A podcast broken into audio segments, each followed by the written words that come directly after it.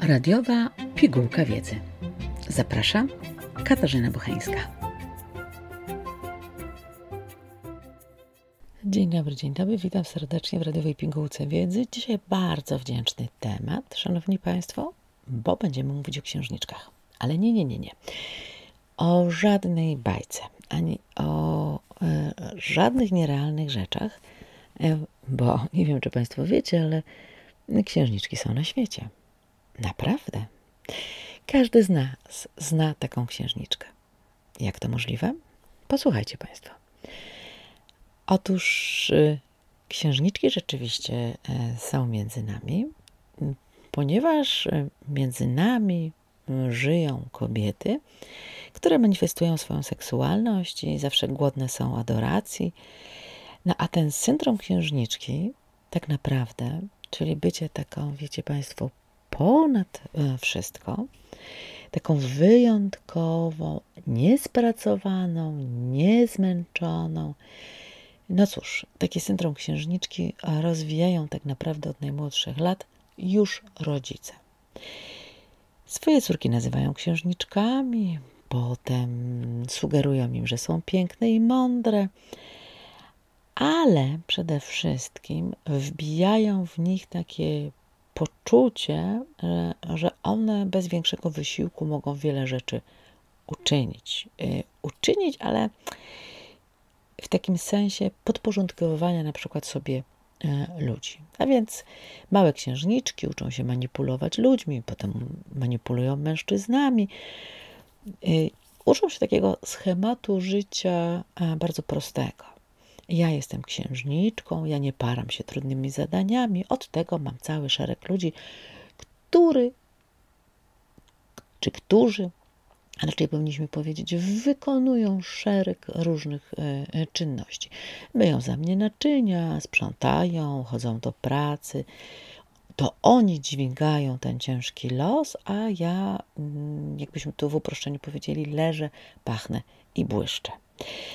No i niestety takie księżniczki no, pojawiają się w naszym świecie i niestety te księżniczki e, niestety przynoszą no, ze sobą pewien trudny do udźwignięcia mm, zakres e, obowiązków, e, ale też e, i wymagań. Mm, no i jeśli ten świat się nie chce podporządkować, to zaczyna się problem. Księżniczka bowiem jest leniwa, ma postawę roszczeniową. Księżniczka oczywiście jest bardzo urodziwa, bo to jest jakby jej taki podstawowy atut.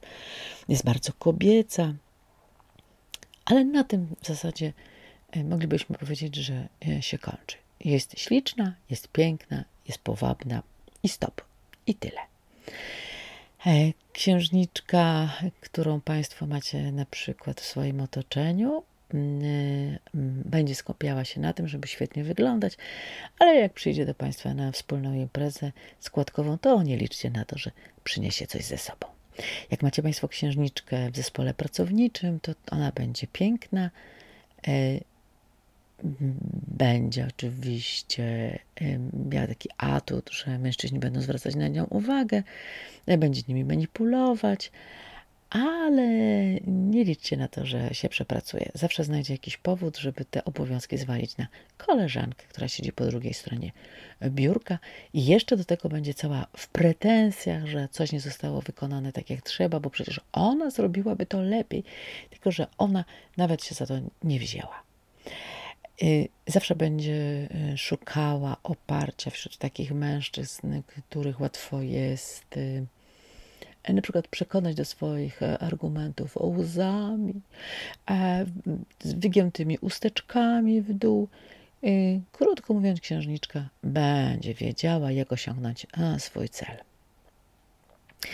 Księżniczki, no oczywiście należą do tej grupy, które będą się przechwalały tu i tam swoimi podbojami, tym, co posiadają, tylko no, z całą pewnością nie tym, na co ciężko zapracowały. Ale są zaradne, więc z całą pewnością będą opływać w dostatek. Księżniczka, tak jak powiedziałam, wymaga nieustannej adoracji mm, i księżniczka ma raczej dosyć duże wymagania.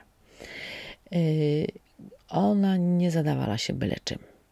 To muszą być rzeczywiście takie elementy życia, które zwracają uwagę. Świetny strój, y, kapitalny wygląd, mm, drogie gadżety. Mm, ona musi być po prostu pod każdym względem atrakcyjna.